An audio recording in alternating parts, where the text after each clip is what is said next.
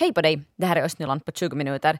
Idag kommer det förstås att handla en hel del om branden i Borgå centrum idag. Det är nämligen så att det har varit en brand i ett tvåvånings trähus Musikinstitutets gamla byggnad som ligger där vid Stadsparken i Borgå. Vår reporter Fredrika Sundén har varit på plats en stor del av morgonen och det kommer en del av den här podcasten att handla om. Men så får du också veta hur du kan göra om du gillar orientering och harmar dig över att man inte mera kan vara med på måndagsorienteringen för att du helt enkelt inte får vara bland människor. Nå, nu finns en möjlighet att distansorientera. Mer om det här i vår podcast idag. Jag som håller dig sällskap, jag heter Frida Frankenhäuser.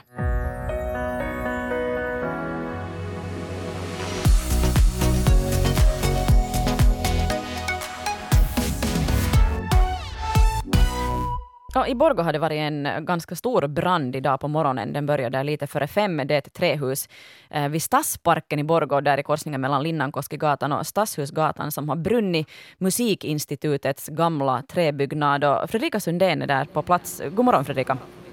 God morgon, god morgon. Hur ser läget ut nu? Eh, no, det har nog börjat lugna ner sig. Jag var ju här då fem på morgonen när den här branden var i full gång så att säga och, och larmet precis hade gått och då stod ju lågorna ut här genom fönstren på övre våningen. Och nu så håller de på med eftersläckningsarbeten. Det sa jourhavande brandmästare Ilkka Eskelinen åt mig riktigt här nyss på platsen. Ehm, eller han sa att man kan kanske kalla det för eftersläckningsarbeten, ja. Eh, de har rivit eller stora delar av taket ska vi säga har brunnit ner och, och dels då rivits av, av räddningsverket. Eh, de här resterna av plåt eh, och, och takbjälkar och, och sånt här ligger här på, på marken eh, på Stadshusgatans sida och, och, stora delar av taket är då som sagt borta och sen åtminstone den där övre våningen i huset är nog totalförstörd så vitt jag kan se här. Delar av fasaden där som branden har börjat där i, i den ändan som är mot Linnankoskigatan så, så har rämnat och den är väldigt svart här och, och de håller fortfarande på med en skylift här och, och försöker släcka vissa sådana mindre härdar där uppe i övre våningen men annars så skulle jag nog säga att det är mest rök för tillfället. Äh, li, lite smått brinner det här ännu och en del av de här enheterna som har varit på plats här så har nog börjat fara bort härifrån redan men att nu är här, här kanske jag räknar till en, en, två, tre, fyra, fem, sex, sju, åtta, nio brandbilar fortfarande och lite andra utryckningsfordon. 10 000 säger någon där i bakgrunden. Vad betyder det? jag vet inte. Okej, okay, det, är, är det liksom, står det människor där och tittar? För jag hör alltså folkprat uh, där i bakgrunden. Uh, no, inte så många som här var då i början uh, av morgonen, då femtiden, när jag var här första gången. Men visst är här några vissa sådana åskådare fortfarande i parken, men här är kanske inte så mycket att se numera i det här skedet. Men att visst, folk som går här förbi så, så tittar ju nog och, och försöker kolla att vad som är på gång. Det är ju som sagt Musikinstitutets gamla hus som har brunnit här. Eh, jag var lite osäker då när jag kom hit i morse att är det ett bostadshus eller inte, men att just nu jag pratade med Ilkka Eskelinen som var jourhavande brandmästare här under morgonen så sa han att deras uppfattning är att här inte har varit någonting i det här huset, att det har varit obebott. Och brandorsaken är som sagt oklar ännu. Uh, nu bara de får det här släckt så kommer de att börja utreda orsaken och polisen kommer också att vara inblandad där. Så att eh, det låter ju lite som om man misstänker att, att någon skulle tutta på där. Eh, så mycket kan jag nu nämna innan jag sticker härifrån att eh, det här branden kommer att störa trafiken här på området ännu på förmiddagen. Eh, så där i praktiken så, så är nog Stadshusgatan och Linnankoskigatan avstängda här vid Stadshusparken så att ta någon annan väg om ni kör här förbi. Du har Fredrika, du har inte hunnit äta morgonmål, du har inte fått eh, din morgonmålsgröt och du har sprungit fram och tillbaka mellan redaktionen och mellan Stadsparken för att bevaka den här branden vid Stadsparken i Borgå. Mm. Jag kom sådär traskande i lugn och ro i morse och var på väg till jobbet där vid femtiden och så kom jag där vid den här mataffären där i korsningen av Mannerheimgatan och Linnankoskigatan och så såg jag brandbilarna som kom med, med blinkarna på och tjutande sirener och så tänkte jag att jaha, nu var det på gång någonting här då. Uh, och så, så vände jag blicken dit mot Stadsparken, där i korsningen, och så noterade jag stora lågor som stod, stod dit längre bort. Och, och så tog jag mig lite närmare och märkte sen då att det var ett sånt trähus som brann där i, i korsningen av Stadshusgatan och, och Linnankoskigatan. Så att eh, det blev en ganska bråd morgon där och, och så ringde jag Stefan Härus som kom dit med kameran och fotade lite och mm. hämtade liveutrustningen och, och så blev jag där och, och följde med under morgonen och, och sände också lite på Instagram live. Mm. Det har varit ett tiotal olika brandbilar och utryck, utryckningsfordon på platsen. När man tittar på de här bilderna från branden ah, så är det ju otroliga eldslågor som bara liksom kastar ut sig genom de här fönstren. Mm, eh, jag tror att den där branden har fått sin början där på övre våningen i, i den enda av huset som vetter mot Linnankoskigatan, för att det var där som de där stora lågorna stod ut då femtiden på morgonen, strax efter att larmet hade gått, och jag kom dit till platsen ungefär samtidigt som en stor del av de här räddningsenheterna. Och då när jag kom gående där just vid, vid parken, i början av parken, där på Linnankoskigatan, så kände jag faktiskt nog den här hettan mm. från de här lågorna, så att jag tror att brandmännen nog har haft en ganska svettig morgon där och kämpa på. Väldigt strångt gjort där av, av dem. De har nog ett, ett tufft jobb och, och verkar ha lyckats ganska bra med att släcka, släcka den här branden.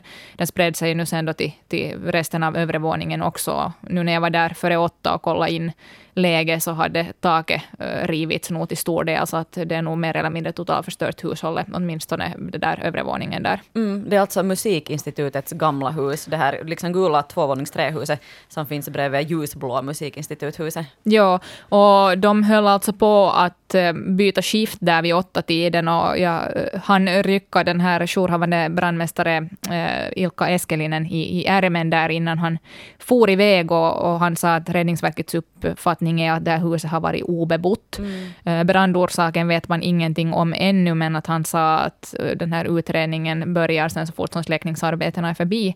Och polisen kommer antagligen också att delta i dem, så att eh, det tyder ju på att man kanske då eventuellt misstänker att, att den ska vara anlagd. Men att det vet vi ingenting om ännu, så, så vi får mera info om det säkert senare här, bara, bara den här brandorsaksutredningen kommer, kommer vidare.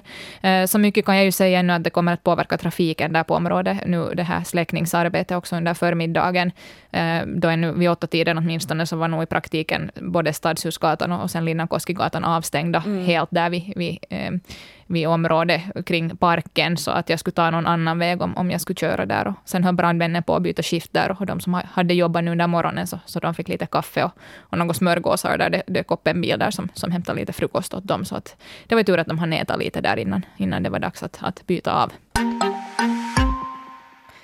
Corona orsakar längre väntetider vid Östra Nylands tingsrätt.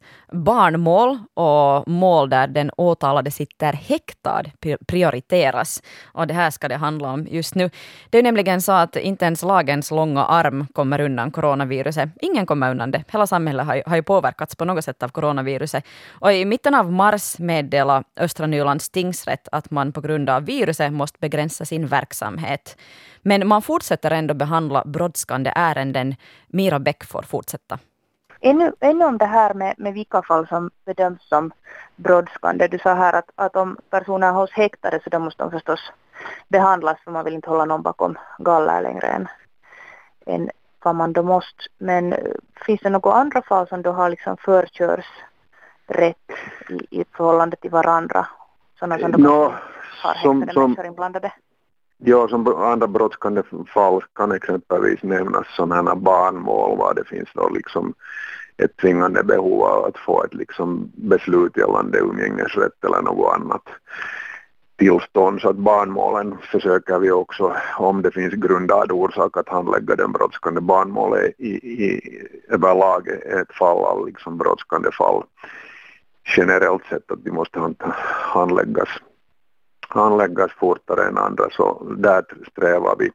Också sen förstås vissa insolvensärenden, till exempel konkursansökningar som i huvudsak handläggs skriftligen. Det är ganska sällan det går till ett sammanträde så där, där också eh, handläggs de, de det där fortsättningsvis brådskande. Och sen också ett annat exempel är de här fall av, fall av besöksförbud så det där om de är grundade de här ansökningarna. Vi utgår ju förstås alltid från att de är grundade.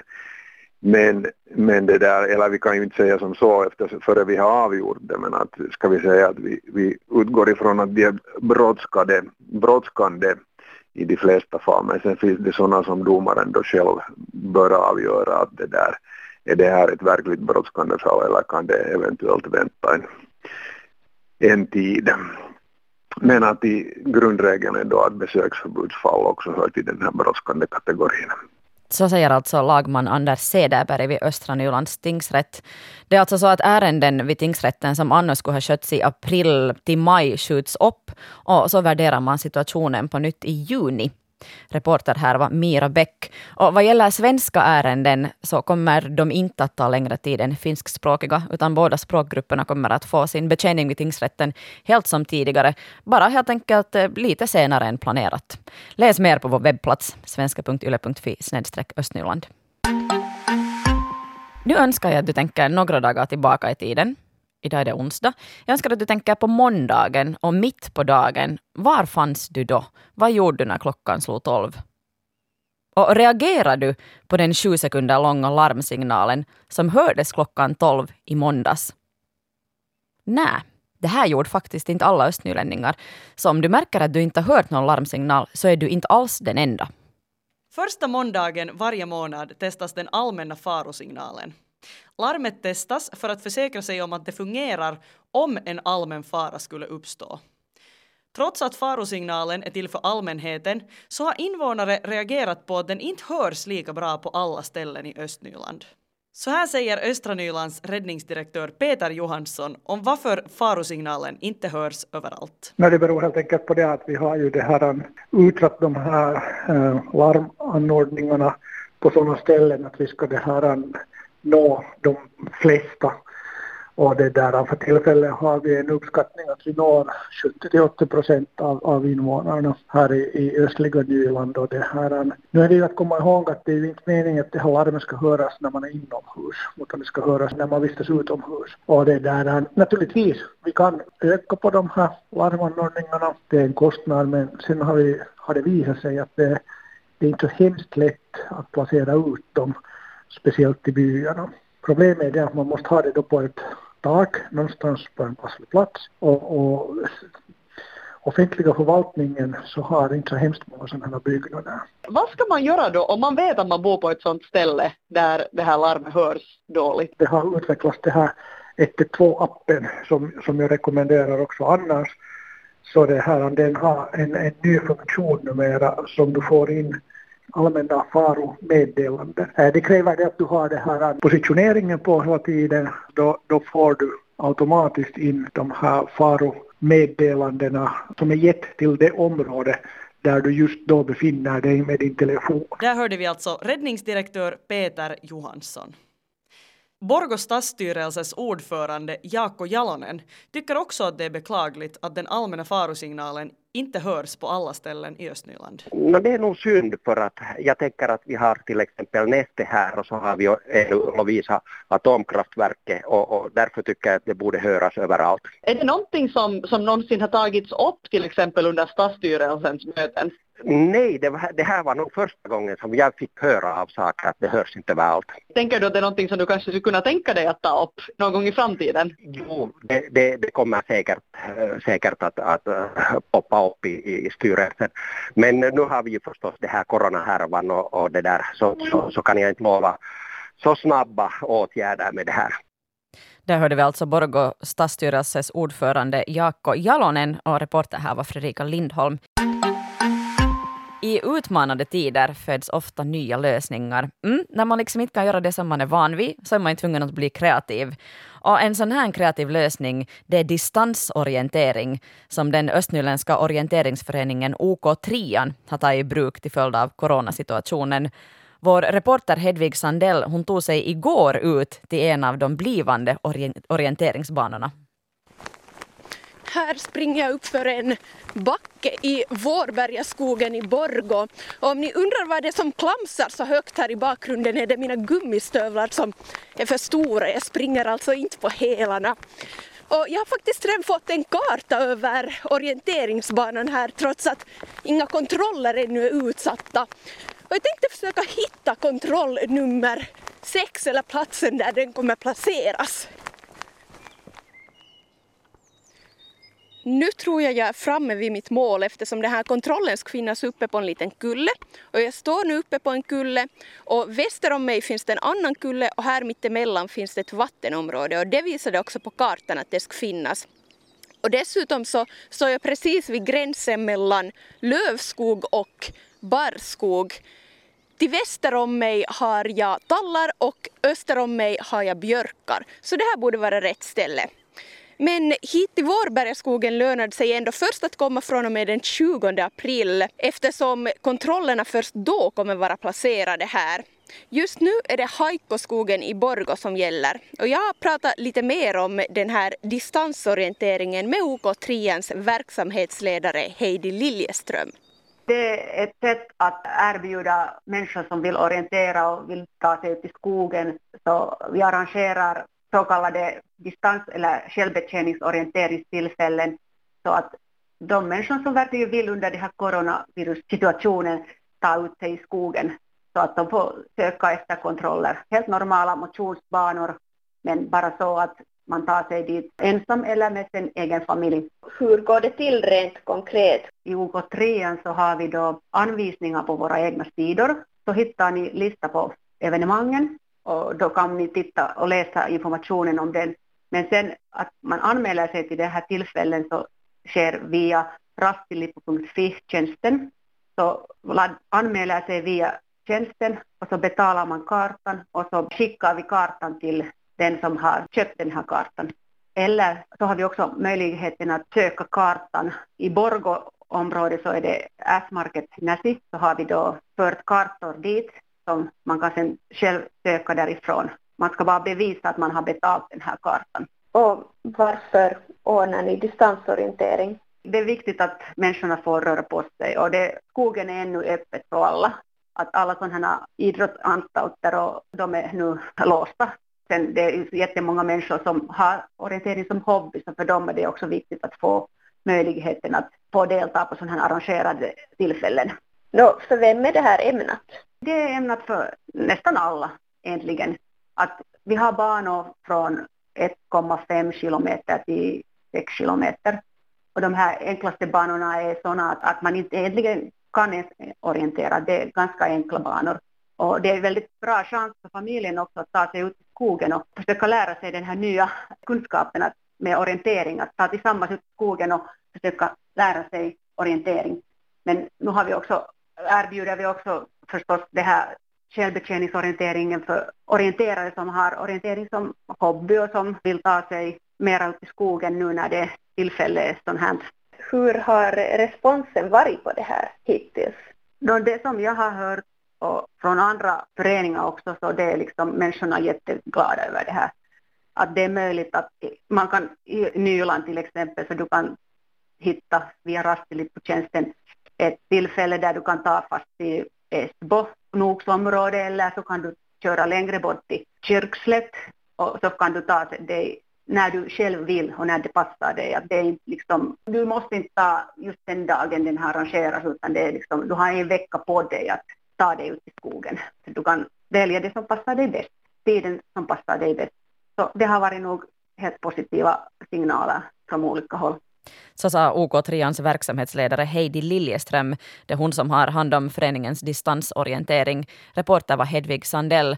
Om du själv vill orientera på distans så kan du antingen gå in på OK3ans webbplats för att kolla var man kan orientera Haikkoskogen gäller just nu här i, i Borgo. Och sen kan du köpa den här kartan som du får hemskickad per post via rastilippu.fi.